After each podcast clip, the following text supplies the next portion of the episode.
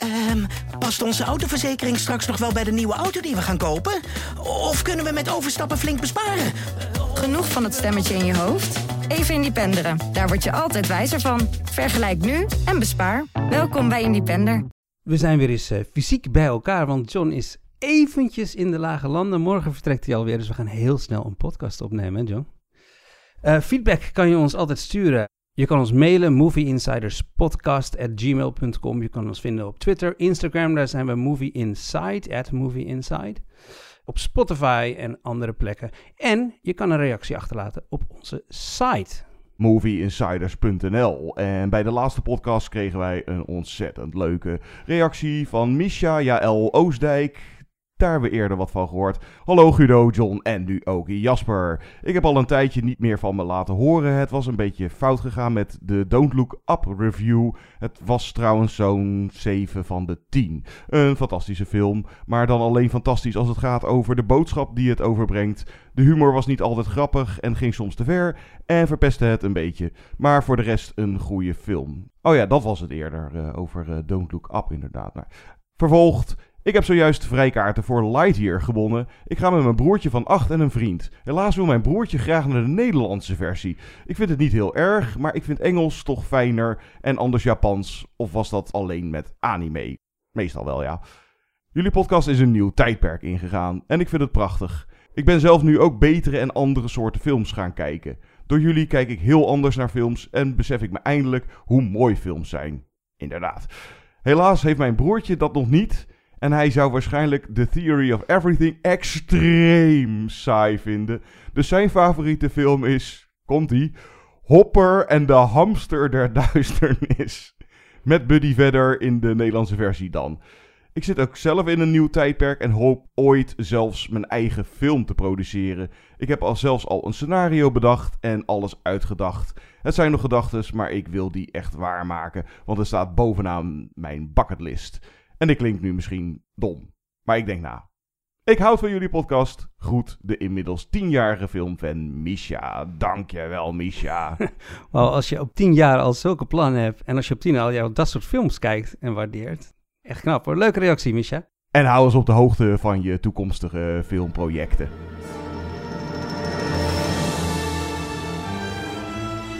Good evening, ladies and gentlemen.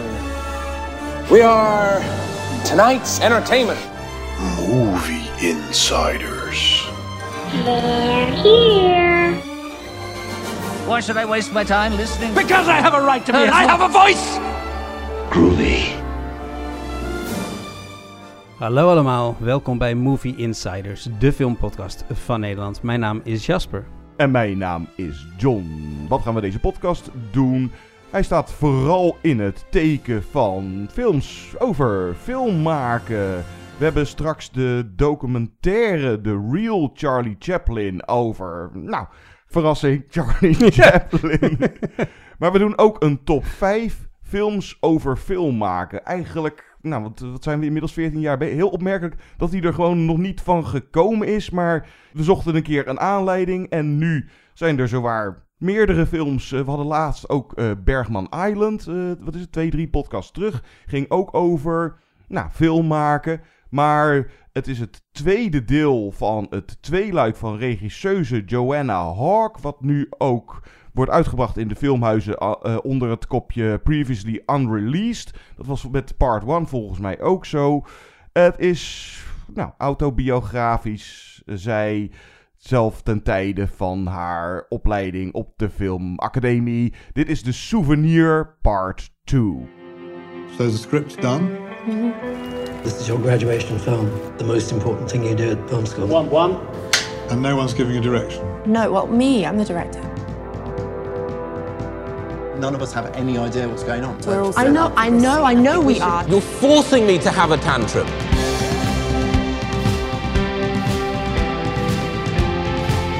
Did you avoid the temptation to be obvious? I think so. I don't want to show life as it plays out. I want to show life as I imagine it. And that's what cinema is all about. Oké, okay, Ten eerste een spoiler warning voor de souvenir deel 1, want het is namelijk onmogelijk om deel 2 te bespreken zonder deel 1 te spoilen.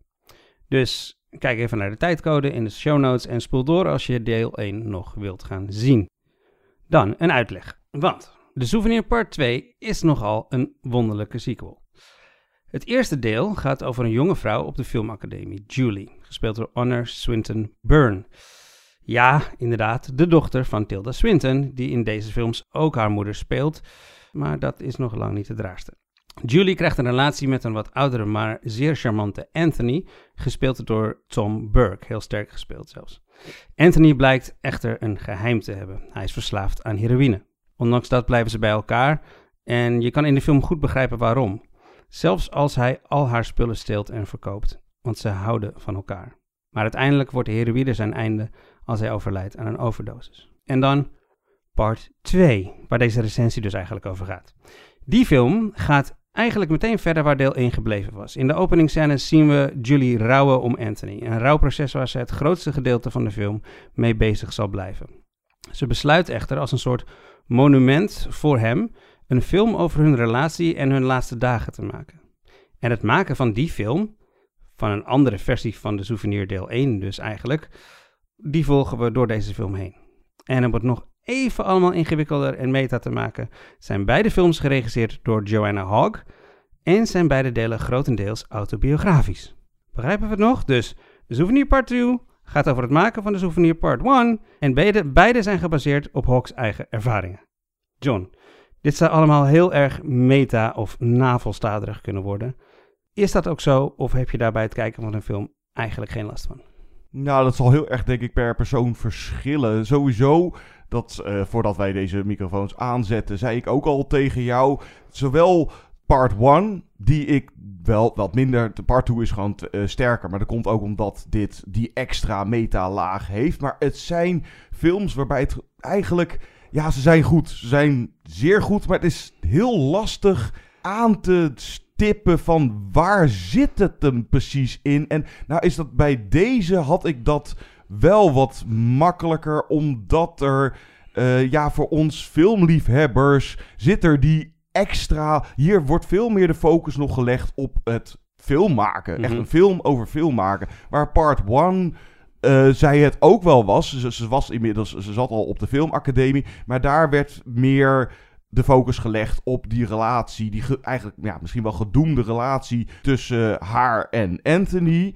En inderdaad, het is dat je het al aangeeft. Dit is een tweeluik. Je moet part 1 eigenlijk wel gewoon gezien hebben. Omdat je anders. Nou, je zal deze wel snappen. Maar je mist de context. En eh, dit is sowieso ook nog steeds geen makkelijke film. Maar dat komt denk ik vooral doordat Julie.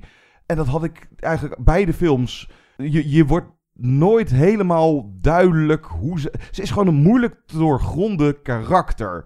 Ze komt uit een, nou laten we even zeggen, welgesteld gezin. Steenrijk zijn ze ook weer niet. Maar, en dat is. Nou, ze is niet zozeer verwaand. Duidelijk nog wel, dat merk je vooral in part 1. Ze is nog eh, jong en misschien een beetje naïef en redelijk ingetogen. Ze loopt niet zo heel erg. eh, nou, vooral zoekende. Ze is echt zoekende, ook in deze film nog, naar zichzelf. En zoekende in eh, hoe dat te uiten in haar werk slash kunst. En dan om. Aan het einde van de film heeft ze zichzelf en haar stem eigenlijk een beetje eh, gevonden. En haar creatief proces. Het is wel grappig dat je zegt dat je eh, niet zo dicht bij Julie kan komen of niet zo goed kan duiden. Omdat het natuurlijk ge- gemaakt is door Joanne Hawk, die eigenlijk Julie zelf is. Dus het is best wel interessant dat ze dat niet goed heeft, scherp heeft neer kunnen zetten. Of misschien is dat wel expres. Dat kan natuurlijk ook. Want ik vind wel dat ze. Ja, dat de film altijd heel veel interesse blijft houden in Julie en haar emo- emoties. En daardoor blijf je goed bij het verhaal betrokken. En ze is ook heel kritisch wel. Ze kijkt kritisch naar Julie. Maar ook met veel empathie. En dat is natuurlijk logisch, maar ook heel lastig als, als je het zelf bent. Dus dat is ook wel interessant dat je dat zegt. Volgens mij, wat je zegt, waarom werkt het? Of je kan je vinger er niet op leggen eh, waarom, waarom dit werkt, waarom het goed is. Ja, soms is het, gewoon- soms is het gewoon echt goed. Ja, dat, Ja. Dat, ja. Nou, ik denk wat Joanne Hawk gebruikt een hele interessante techniek. Daar is ze lang niet de enige in, maar ze gebruikt alleen maar statische camera's. Dus de camera Heel af en- beweegt nooit, of bijna nooit. Zelden, ja. En ehm, de scènes zijn daar verder niet eh, op gechoreografeerd. Dus die camera staat stil, maar die volgt de actie niet. Mensen lopen vaak in en uit beeld. Belangrijke dingen, hele gesprekken worden soms buiten beeld gezegd, terwijl er niet eens iemand in beeld te zien is. Hawk zelf eh, zegt dat eh Oezo haar eh, invloed da- daarvoor is. Oh ja, duidelijk. Het ja. deed mij veel aan de, de vroege Robert Ostlund films denken. Maar bij Hawk zorgt het er volgens mij voor dat het juist meer ehm, leven en realiteit aan de scènes geeft. Omdat het nu zo is alsof de camera gewoon ergens in een ruimte staat waar het leven echt gebeurt. Ervoor en eromheen, zeg maar. En dat is heel wat anders dan het standaard establishing shot, medium shot, close-up shot, wat we bijna altijd zien in films. Dus ik denk dat het een, ja, dat, dat gaf mij een hele soort gevoel dat je erbij bent bijna, zeg maar. Ja, ja, zonder dat je echt, eh, althans dat had ik als kijker, eh, er, ja, ja, het is lastig omschrijven, er, er, er echt eh, in meegaat, zeg maar, in haar, nou ja, in haar creatief proces of in haar rouwverwerking, maar dat komt omdat ik nog steeds dus het idee heb, ondanks dat ik hem inmiddels dus een twee keer gezien heb, maar dat het vooral zij... Nou ja, het is denk ik ook gewoon heel bewust dat zij ook eh, ja, niet echt zo makkelijk te doorgronden is. Eh, Dat, dat zorgt voor iets enigmatisch, iets ongrijpbaars. En dat vind ik, daarom vind ik het juist ook wel weer een soort van spannend of eh, Ja. boeiend om naar te kijken. Omdat je het gewoon net niet helemaal kan vatten. Maar dat het ja, een mooie verbeeld is met vooral mooie beeldcomposities en bepaalde overgangen die er wel in zitten.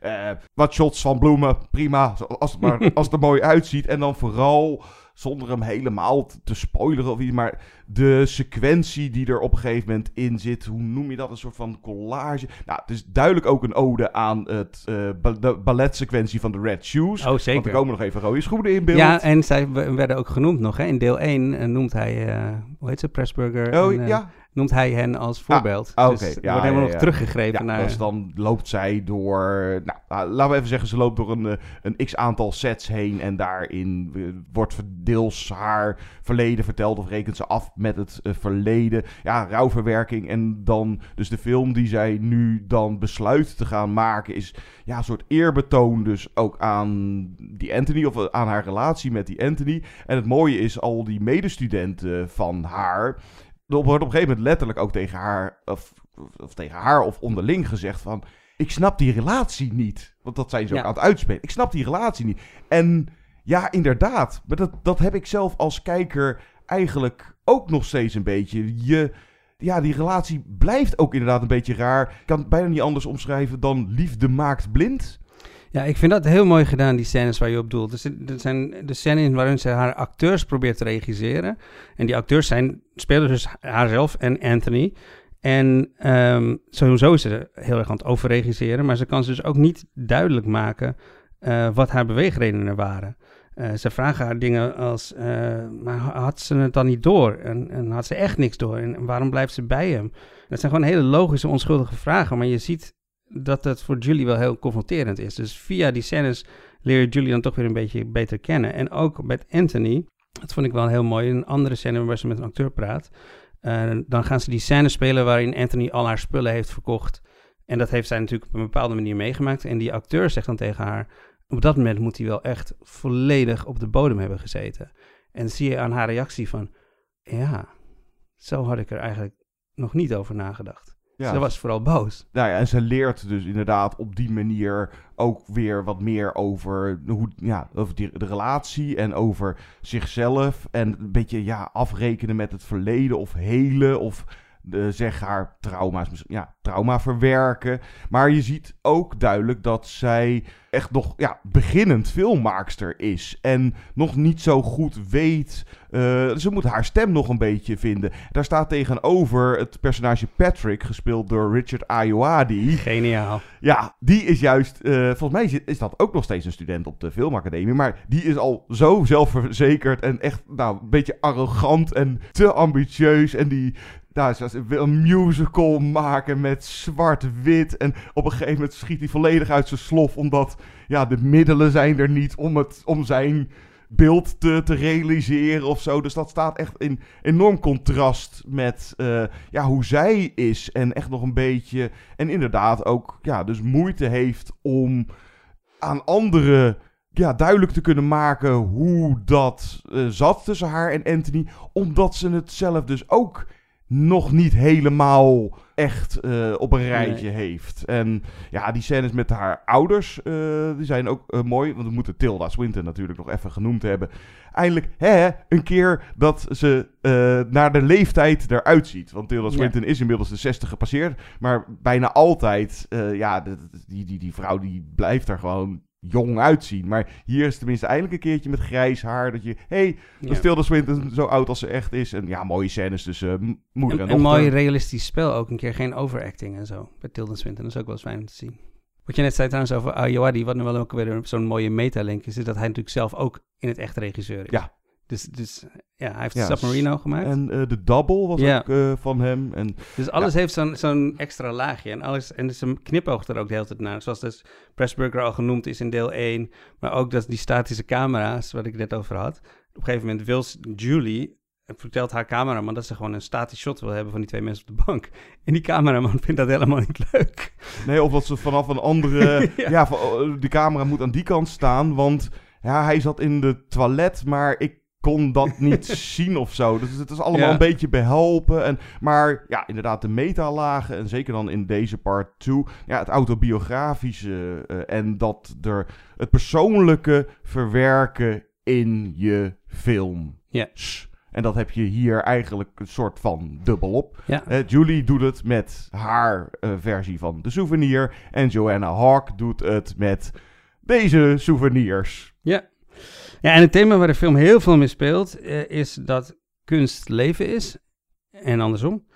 En uh, ja, ons leven houdt zich natuurlijk niet zo netjes aan een thema, maar zij denkt dat als je over een, an, over een langere periode terugkijkt, dan zou je misschien wel thema's kunnen ontdekken in je eigen leven. Dat las ik in een van de interviews. Maar uh, de film ziet kunst ook als een manier om rouw te verwerken. En dat thema zagen we natuurlijk pas geleden nog in Drive My Car. Kunst als rouwverwerking. Deze film pakt het natuurlijk heel anders aan, maar het blijft wel een heel interessant thema. Maar het is ook nogal een construct. Hè? Dus binnen de film, wat je net zei, maakt een regisseur een film om haar rouw te verwerken. Maar de film zelf wordt gemaakt door een regisseur die zelf aan een versie van dit verhaal heeft meegemaakt en er al een film over heeft gemaakt. Maar in het laatste shot maakt Joanna Hawk dat nog even prachtig duidelijk door de laatste cut zelf te zeggen. Films over film maken. Straks een top 5 en we doen de documentaire The Real Charlie Chaplin. Even een stukje muziek. Het prachtige nummer van Anna Kelvy Drive uit de Souvenir Part 2.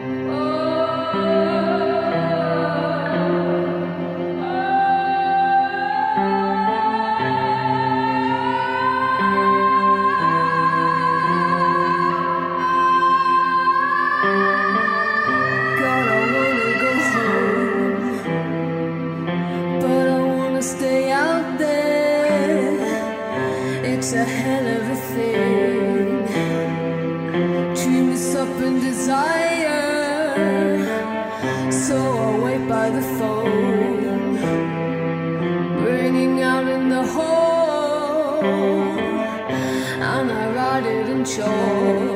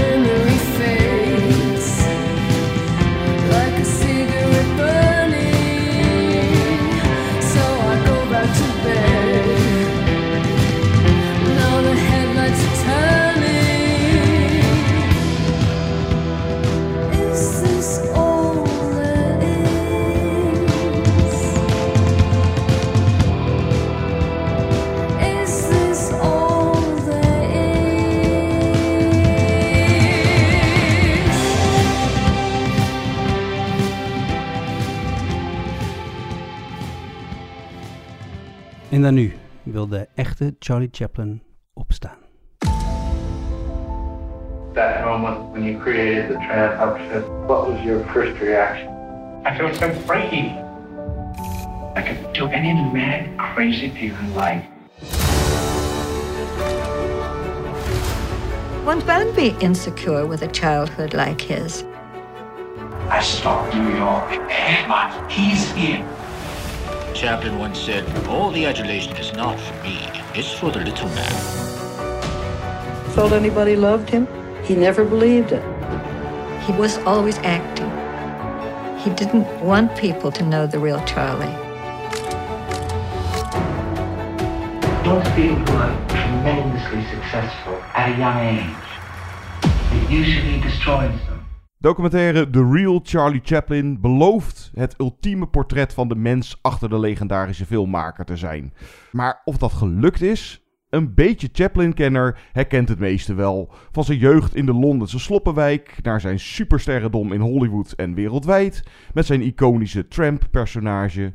We zien beelden uit zijn bekendste films en hoe hij uit de gratie viel en verbannen werd als vals beschuldigd communist. Geanceneerde scènes van nieuw ontdekte audio-opnames zijn er om wat meer inzicht te geven. Maar Jasper, krijgen we voldoende te weten over de mens achter deze geniale alleskunner? Of volstaat zijn films kijken en Wikipedia lezen? Ja, ik denk het wel, maar of dat erg is, weet ik niet. Uh, want een film kijken is leuker dan uh, Wikipedia lezen. Wat je zei over die, audio, uh, die audiofragmenten, wat er interessant aan is, hebben dus inderdaad audiofragmenten, niet alleen onbekende, maar ook bekende. En die laten ze vervolgens naspelen. Dus acteurs spelen je hoort de echte stemmen en je ziet de acteurs het spelen. Dat vond ik zo stom werken. Niet werken eigenlijk. Het werkte heel verwarrend. In sommige, kijk, bij die persconferenties was het wel duidelijk. Maar bijvoorbeeld bij zijn beste vriendin duurde het wel even voor mij toch door dat die actrice niet echt zijn echte vriendin was, zeg maar. Nee, dus je hoort de audio uh, ja. zoals dat is. En dan zitten ze het na te...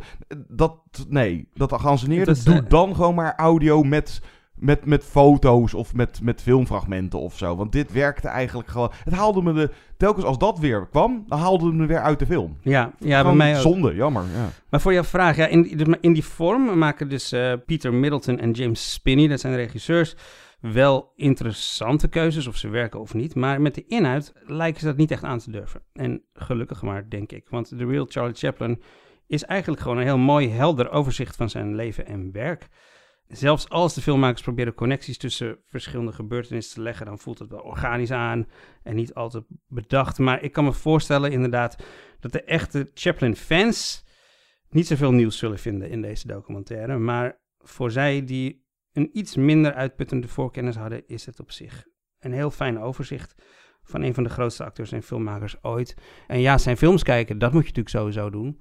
Maar deze film kijken is wel leuker dan een Wikipedia-artikel. Ja, nee, dat, dat sowieso. Ik denk dat deze vooral ook leuk is als je uh, niet of niet zo bekend bent met Chaplin. Ja. En als je wel, zoals wij, bekend uh, bent, uh, ook best wel met de persoon Chaplin. En dus niet alleen maar uit zijn films, maar nou, sowieso al die fragmenten uit uh, de, nou, roep ze maar, City Lies the Kid, uh, Modern Times. Het is gewoon een feest van herkenning. Mm. En dan nog uh, komt er wat leuke trivia voorbij waar ik dan nog niet zo van op de hoogte was. Bijvoorbeeld met City Lights, dat hij echt... Nou ja, de openingsscène met het uh, blinde bloemenmeisje. En hij was al anderhalf jaar bezig. En hij kwam er maar niet uit. De perfectionist die het ook was. Totdat nou, dat, dat, is een grappige bijkomstigheid, want hij wou die film dus nog niet met geluid opnemen. Uh, hoewel het geluidstijdperk inmiddels was ingezet. En ja, uh, om, de, om de, überhaupt de hele film uit de startblokken te krijgen of, of, het verhaal te vertellen,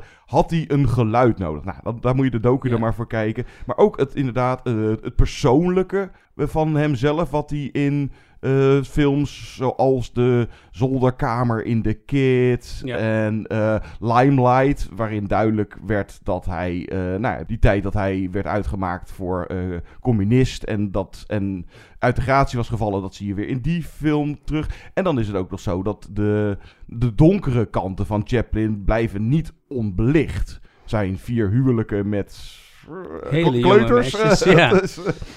dat is niet iets nieuws. Het was volgens mij al wel duidelijk dat Chaplin niet een ontzettend leuke vent was. Nee, maar ze laten die, die don- donkere inderdaad wel aan bod komen. Die, die vrouwen inderdaad, maar ook hoe ze ze behandelden. Zijn vreemdgaan, zijn megalomanie, maar ook zijn onzekerheid, zijn tekortkomingen. Dat komt er allemaal in aan te pas. Ik vond inderdaad die scène uit City Lights met het bloemmeisje vond ik echt heel leuk om te zien. Ook omdat je daarin ziet hoeveel moeite erin gaat om een goede comedy te maken. Sowieso, eh, City Lights staat in mijn, eh, mijn top 10 aller tijden, denk ik. Het is echt een van mijn favoriete Dat films is mijn favoriet van hem. Ja, het Ja. staat ook heel hoog in mijn... eh, Ja, dus ja, ik vond het heel leuk om daar wat meer informatie over te krijgen. En ik vond ook, ehm, ja, mooi. Gen dus sowieso is de, de, de narrator van de film, vond ik het heel kalm en met veel ironie brengen. Dat is Pearl Mackie, die ken ik vooral uit Doctor Who. Maar ehm, ik vond haar een goede narrator. Eh, en het in- interessante is, hij maakt dus inderdaad City Lights terwijl er al allemaal films met spraak zijn. En City Lights is nog steeds een stomme film. Maar het komt natuurlijk, en dat laten ze ook wel zien in de documentaire, omdat de tramp eigenlijk niet kan gaan praten. Want zodra de tramp gaat praten, is hij, is hij niet meer de tramp. Iedereen heeft zijn eigen beeld van hem. En je, je kan dat karakter eigenlijk niet laten praten. En je ziet in deze film ook, als hij het uiteindelijk wel doet, in The Great Dictator, aan het eind van The Great Dictator begint hij te praten. En dat is ook de laatste keer dat de tramp in beeld is. Ja, en eh, nou ja, het, eh, het spiegelen naast Hitler, eh, het, nou, die dingen. Ah ja, je zou dus kunnen zeggen dat deze docu- het is in ieder geval geen heldenverering of zo. Het is, Nee. nou ja, compleet weet ik niet. Misschien, dat, dat is waarschijnlijk ook onmogelijk, want ja, de, nou ja, kluizenaar was hij niet, maar zeker de laatste decennia van zijn leven. Hij woonde in, geloof ik, ergens in, In Zwitserland, Zwitserland, ja. in de bergen en die laat mij maar lekker met rust. Maar, dus ja, in hoeverre krijg je echt een ja, voldoende uitgebreid portret. Nou ja, in ieder geval, er zit niet echt iets zozeer schokkends of opzienbarends in. En ook qua film of qua documentaire, het is een beetje re- recht toe, recht aan. Het, het, het kijkt inderdaad lekker weg. En er zitten af en toe wat saaiere momenten in. Maar het is ja, vooral dat ik dacht van het fascinerende icoon Chaplin had een betere docu verdiend. En leren we de real Charlie Chaplin kennen in de... Nou ja, ik, we- nou, is dat wel mogelijk? Geen, Ja. geen idee, misschien ook niet. Maar het is in ieder geval een aardige poging. Je krijgt gewoon een mooi... Nou, als je nog niet bekend bent met Chaplin, krijg je hier een mooi overzicht van Ja. wie hij was en wat hij gedaan heeft. En, Ja, en, en het laat in ieder geval heel duidelijk zien dat de Tramp en Chaplin twee hele andere mensen zijn. Eh, maar inderdaad, ja, The Real Charlie Chaplin met die titel stelt de film dus eigenlijk al de vraag: wie is de echte Charlie Chaplin? Het probleem is alleen dat niemand dat echt schijnt te weten. Dus die film die geeft ons volgens mij ook niet echt een antwoord op die vraag. Maar wat grappig is, ik keek hem nog een keer het begin. Het begint met een eh, tekst in beeld van een citaat van een schrijver en vriend van Charlie Chaplin, Max Eastman. Die zegt, eh, vertaald, eh, geniet van elke Charlie Chaplin die je het gelukt hebt tegen te komen, maar probeer ze niet samen te voegen tot iets dat je kunt begrijpen. Het zijn er gewoon te veel. Dus nee, de film geeft ons uiteindelijk niet de echte Charlie Chaplin, maar in ieder geval hadden ze ons wel in het begin al eerlijk daarvoor gewaarschuwd. Oh ja, je had natuurlijk ook de film eh, Chaplin van eh, Richard Attenborough van Mhm. begin jaren negentig, waarin Robert Downey Jr. dan Chaplin speelde. Eigenlijk best een hele verdienstelijke film over filmmaken dus ook, met een prachtige score. Laten we daar een stukje van draaien, van John Barry.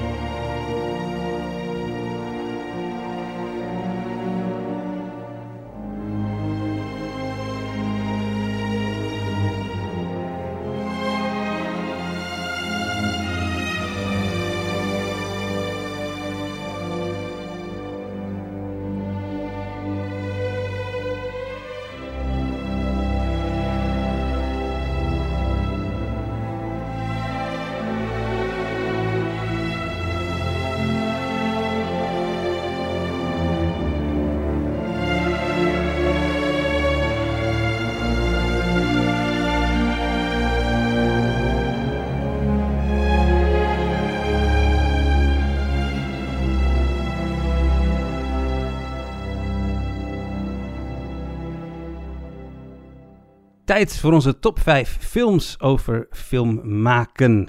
Leuk. Uh, had jij nog criteria, John? Nee, niet echt. Jij? Nee?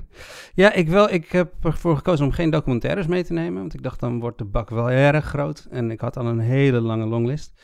En ik heb ook geprobeerd een beetje te variëren uh, door niet vijf films over regisseurs of vijf films over acteurs te nemen, maar elke beroepgroep aan het bord te laten komen. Zeg maar. Ja, oké. Okay. Een beetje van alles en nog wat. Ja, plus dat, maar die zal ik dan straks als eervolle vermelding wel uh, noemen. Een aantal films waarbij ik iets had van ja, ja. Het, het, het, het, het zijn mensen in de filmindustrie, maar gaat de film ook wel net niet te weinig over film maken zelf of zo. Ja, ik heb ook nou, veel films waar ik over getwijfeld ja, heb. Ja, dus dat, uh, ja, dan, dan, krijg je inderdaad ja, keuze zat. Wat ja. is jouw nummer vijf? Mijn nummer vijf. Ja, deze moest er natuurlijk op, anders zou Guido ontploffen. Toen jullie uh, top 50 maakten, alle tijden, heeft Guido deze op nummer 2 gezet. Ja. Dan weet je hem wel, hè? Singing in the Rain uit 1952 van Stanley Donen en Gene Kelly. Zeker een van de leukste musicals uit de filmgeschiedenis. En dat is het vooral. Het is zo leuk. Het is zo licht, het is zo vrolijk, het is zo vol lol en energie. Het is zo vol leven. Maar de film gaat ook echt ergens over, namelijk over filmmaken. Anders stond die niet op deze lijst.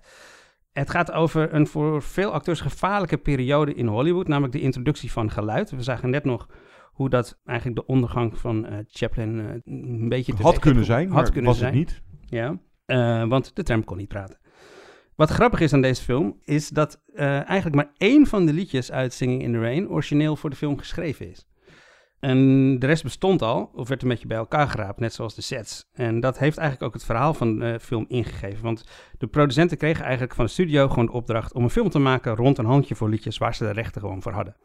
En toen die producenten doorkregen dat de meeste van die liedjes uit de tijd kwamen dat geluid net werd geïntroduceerd in de film, besloten ze een musical over die periode in Hollywood te maken.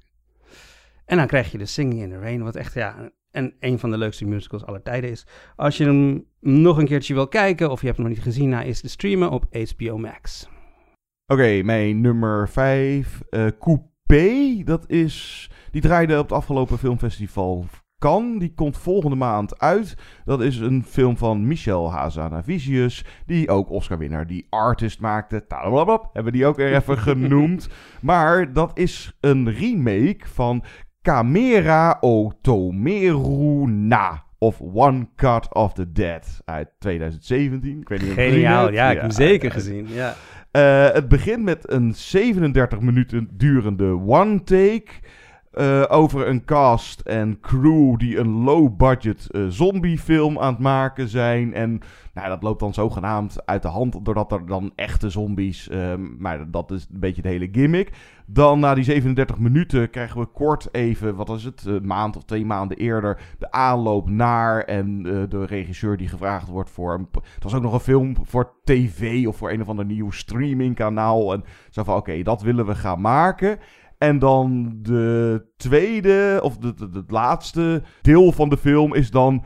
krijgen we het nogmaals te zien, maar dan hoe ze het gefilmd hebben. En wat er allemaal gebeurde. En wat er allemaal misging. En met vallen en opstaan. En hoe ze dat zo creatief dan hebben weten op te lossen. Maar dan zie je bijvoorbeeld ook zo van... Ja, het, wat raar. In het begin van de eerste keer dat je het ziet... dan op een gegeven moment...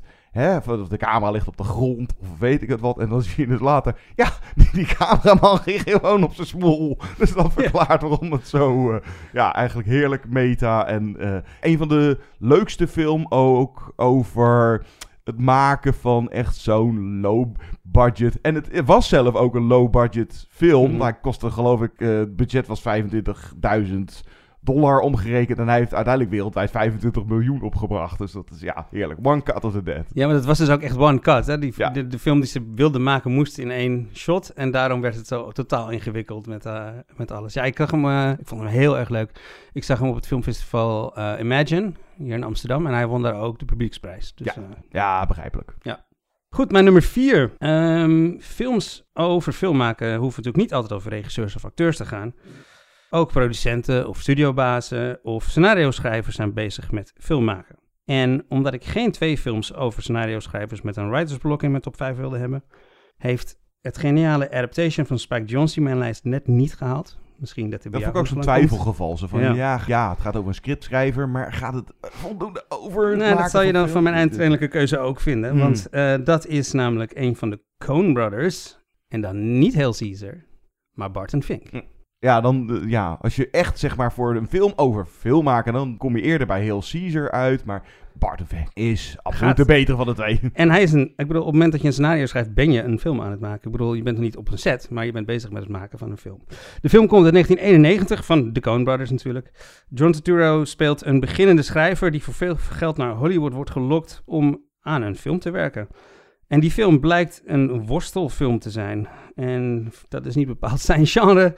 Dus Fink besteedt de rest van de film met een gezonde en begrijpelijke dosis writersblok in zijn hotelkamer. Eh, John Goodman is geniaal als een eh, op zijn zachtst gezegd ambiguë buurman in dat hotel. Barton Fink is uiteindelijk gewoon een echte Coen Brothers film, een echte zwarte comedy. De film won eh, de Palme d'Or op het festival van Cannes. En ook regisseur, dus Joe Coen en George Turturro kregen daar een prijs. Wat eigenlijk bijna nooit gebeurt, want de jury's in Cannes geven meestal maar één prijs per film. Hoe dan ook, de Coens werden vanaf dat moment serieus genomen. Deze kon ik nergens streaming vinden, dus als je hem wil zien, zul je een dvd'tje moeten bestellen of creatief zoeken. Ja, mijn nummer 5, One Cut of the Dead, was al redelijk meta. Maar voor mijn nummer 4 gaan we nog even iets meer meta en comic in Iran uit. Ik ga gewoon ook even met wat titels eh, smijten. Je hebt bijvoorbeeld ook This Is Not a Film. Dat is die documentaire van Jafar Panahi uit 2011. Want hij is nog steeds verbannen om films te maken. En dan, hoe ga je creatief alsnog een film maken. En die is op een nou, heel verhaal, moet je maar le- lezen. Op een USB in een taart meegesmokkeld naar een filmfestival. Maar bijvoorbeeld ook Moshen Makmalbaf. Die eh, de casting documentaire Salam Cinema, waarin hij dan uiteindelijk eh, acteurs voor. En dat gaat ook weer een beetje over ja, een film maken van eigen ervaring, een moment of innocence. Komen we uit bij Abbas Kiarostami. Through the Olive Trees, dat is het derde deel van zijn koker-trilogie. Dat, nou, dat is ook allemaal eh, laag op laag op laag meta. En daar gaat het ook o- over hoe de filmregisseur en de acteurs. En, maar ondanks dat, nou, dit is dan een beetje wel mijn twijfelgeval. Maar deze is gewoon te gaaf om niet te noemen. Close-up van Kiarostami uit 1990. Eigenlijk, ja, wat is het? Een soort hybride fictiedocumentaire. En in hoeverre gaat het over film maken? Het gaat over een man waar gebeurt die zich voordeed als regisseur Moshen Makmalbaf. En op die manier bij een gezin thuis belandde. En nou ja, ja, ja, fraude. Ja, eigenlijk een soort van. Maar vooral, hij had eigenlijk ja, een soort van wens of de, de intentie, deze Hossein, Ja, hij zou wel. Hij, hij wou graag Makbal Baf zijn. En hij, hij wou wel graag een film maken. Dus misschien is dit wel echt de beste film over. Zou een film willen maken? Of zou regisseur willen zijn? En dan komt daarbij kijken. Dat gaat natuurlijk ook nog over identiteit. En over klassenverschillen. En van alles en nog wat speelt er mee. Dus ja, er wordt in close-up niet een film gemaakt. Maar iemand uh, doet zich voor als een bekende regisseur. Om daar dan, nou ja, misbruik. Nou, kijk hem maar, uh, close-up. Mooi. Mijn nummer drie, die uh, ligt misschien wel een beetje voor de hand, maar goed. Sunset Boulevard. Ah. Van Billy Wilder uit 1950. Een film over een vergeten Hollywoodster gespeeld door de toen bijna vergeten Gloria Swanson.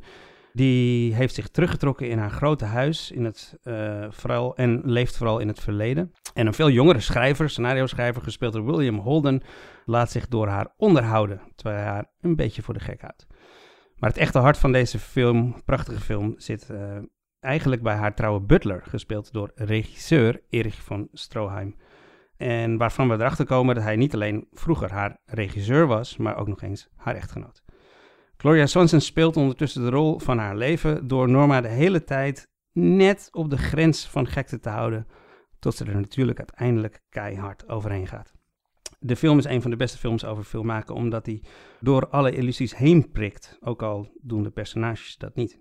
Oh, ze doet trouwens ook nog een uh, hele goede Charlie Chaplin imitatie in uh, Sunset Boulevard. Oh ja. ja. Billy Wilder heeft uh, veel geniale slotstellingen bedacht voor zijn films. Maar deze uit Sunset Boulevard is misschien wel de bekendste. There's nothing else, just us and the cameras and those wonderful people out there in the dark. All right, Mr. DeMille, I'm ready for my close-up. Deze is te streamen bij Pathé Thuis. Nummer 3. Johnny Depp. Net een uh, rechtszaak gewonnen. Uh, of misschien komt er nog een staartje aan. Maar uh, Johnny Depp in de beste film van Tim Burton. Over de slechtste regisseur aller tijden. Ed Wood uit 1994. En ja, zowel deze film, maar ook gewoon dat figuur Ed Wood. het, het heeft iets grappigs, maar ook iets triest. Omdat hij zelf dacht, Ed Wood dat hij de nieuwe Orson Welles was. Op een gegeven moment zit er ook een scène dat hij uh, zit naast Orson Welles en raakt met hem aan de praat in het café. Nou, dat was zijn, zijn grote voorbeeld. En hij dacht van, uh, ja, dat, dat kan ik ook. Ik ben ook uh, ja, zo'n goede regisseur. En, maar vooral het enthousiasme. En dan ook dat bizarre clubje aan figuren wat hij om zich heen verzamelt. Wat eigenlijk allemaal een beetje van die randfiguren zijn. De, van Pira en een of andere oorspronkelijk een worstelaar. En Bela Lugosi, toch? Ja, ja, en dan inderdaad de prachtige Oscar-winnende rol van Martin Landau als de ja, bekende Dracula-vertolker Bela Lugosi. Inmiddels op nou, bejaarde leeftijd, uh, drugsverslaafd, uh, helemaal uit de gratie. Uh, en dan komt hij in contact met Ed Wood. En ja, die scènes zijn wel het allermooist. Ed Wood was nou ja, de slechtste regisseur aller tijden, dat valt. Te, te, daar, daar kan je over Hij is ooit zo verkozen. Zo, maar, ja, ja. zo staat hij een beetje te boek. Die maakte, hij maakte geen B-films, hij maakte echt C-films.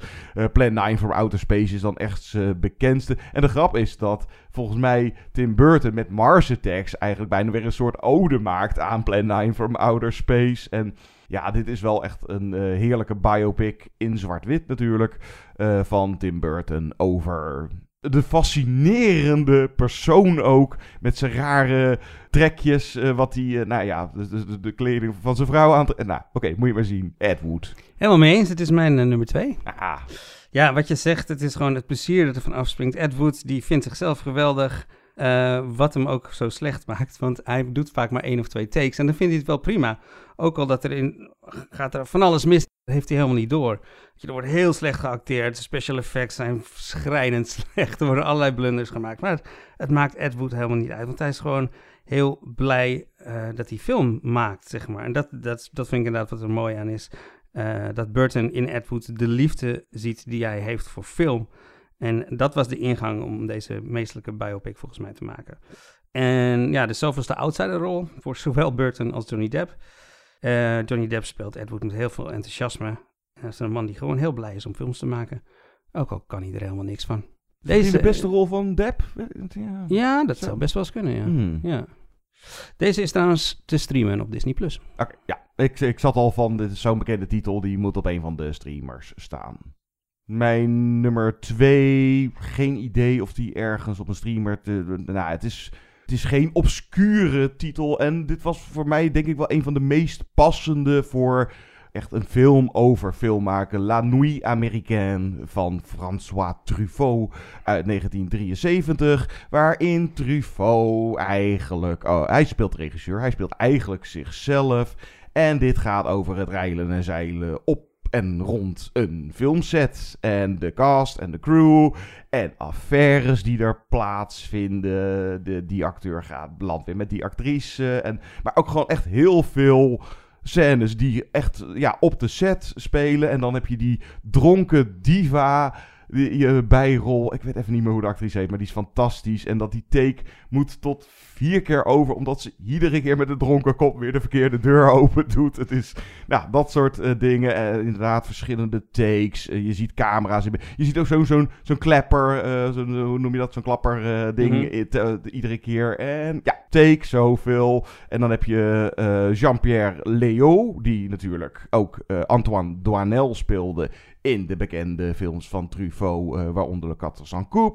En Jacqueline Bisset speelt er. En dit is echt, ja, klassieker uit 73. Hij won ook uh, Oscar voor best voor een, echt een film voor filmliefhebbers. Dit is echt een van de films over film maken. La Nuit Américaine. Of in het Engels, als je wil zoeken, heet die Day for Night. Dan mijn nummer 1. Oeh. Oeh. Ja, eigenlijk toen jij deze top 5 voorstelde, wist ik meteen dat dit mijn nummer 1 ging worden. Uh, The Player van Robert Altman uit 1992. Ja, het is goed dat jij daarvoor gaat, want ik heb die niet op één. Heel mooi, heel mooi. Ja, alleen al dat openingsshot van deze film. Een ruim acht minuten onafgebroken shot die verschillende mensen volgt over de parkeerplaats en het kantoor van de studio. En die het hebben over long days. Ja. En dan ook nog even twee mensen die klagen dat in films tegenwoordig zoveel gesneden wordt. En Touch of Evil zo geweldig vinden, want die heeft een openingsshot van 6,5 minuut. Terwijl de zender waar ze zelf inspelen daar ruim overheen gaat. Dat is zo geniaal. Dat opening shot is dus technisch ontzettend indrukwekkend, maar het werkt ook om ons meteen een beeld te geven van Hollywood in die tijd. Uh, de film gaat over Griffin Mill, gespeeld door Tim Robbins. En dat is een vicepresident bij een studio. En zijn werk bestaat er vooral uit om pitches aan te horen van allerlei schrijvers. Je kent ze wel, dat soort pitches. Het punt is alleen dat hij nooit ja kan zeggen. Want als hij iets goed vindt, ja, dan stuurt hij het gewoon omhoog naar de volgende. Hij kan eigenlijk alleen maar nee zeggen. En dan is het ook echt een nee. Uh, op een gegeven moment krijgt hij dreigbrieven van een schrijver die hij heeft afgewezen. Nou, eigenlijk is het verhaal niet zo belangrijk. Deze film is een portret van het Hollywood in die tijd. Een stad zonder hart, een industrie zonder gevoel. Wat niet wil zeggen dat deze film niet hilarisch is af en toe. Een film vol herkenning, ook door de busladingen aan cameo's. En de player is een grappige, maar vooral ook een heel erg slimme film. En deze kan je streamen op Amazon Prime. Satire vooral. Ja. Dat, uh, ik weet niet of je die al geroepen had. Uh, voor mij nummer 1, uh, ja, welke keuze? Nou, laat ik niet weer voor Sullivan's Travels gaan. Echt zo'n persoonlijke favoriet van mij. Maar dan ook, omdat Guido zit er nu niet bij. Ik, ik, ik, had hem ook echt op één. Singing in the Rain. En ook omdat het inderdaad, dat is een van de belangrijkste momenten uit de filmgeschiedenis. De overstap naar het geluid.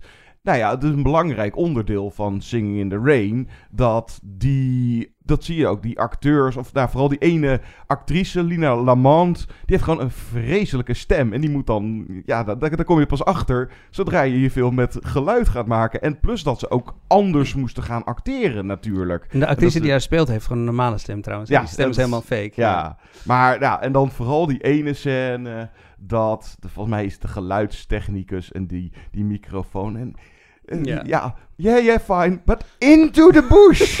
into the bush. Daar waar die microfoon zit. Want zij zit dan de hele tijd. Ja. ja, dat is een van de mooiste scènes uit überhaupt de filmgeschiedenis. En dit is...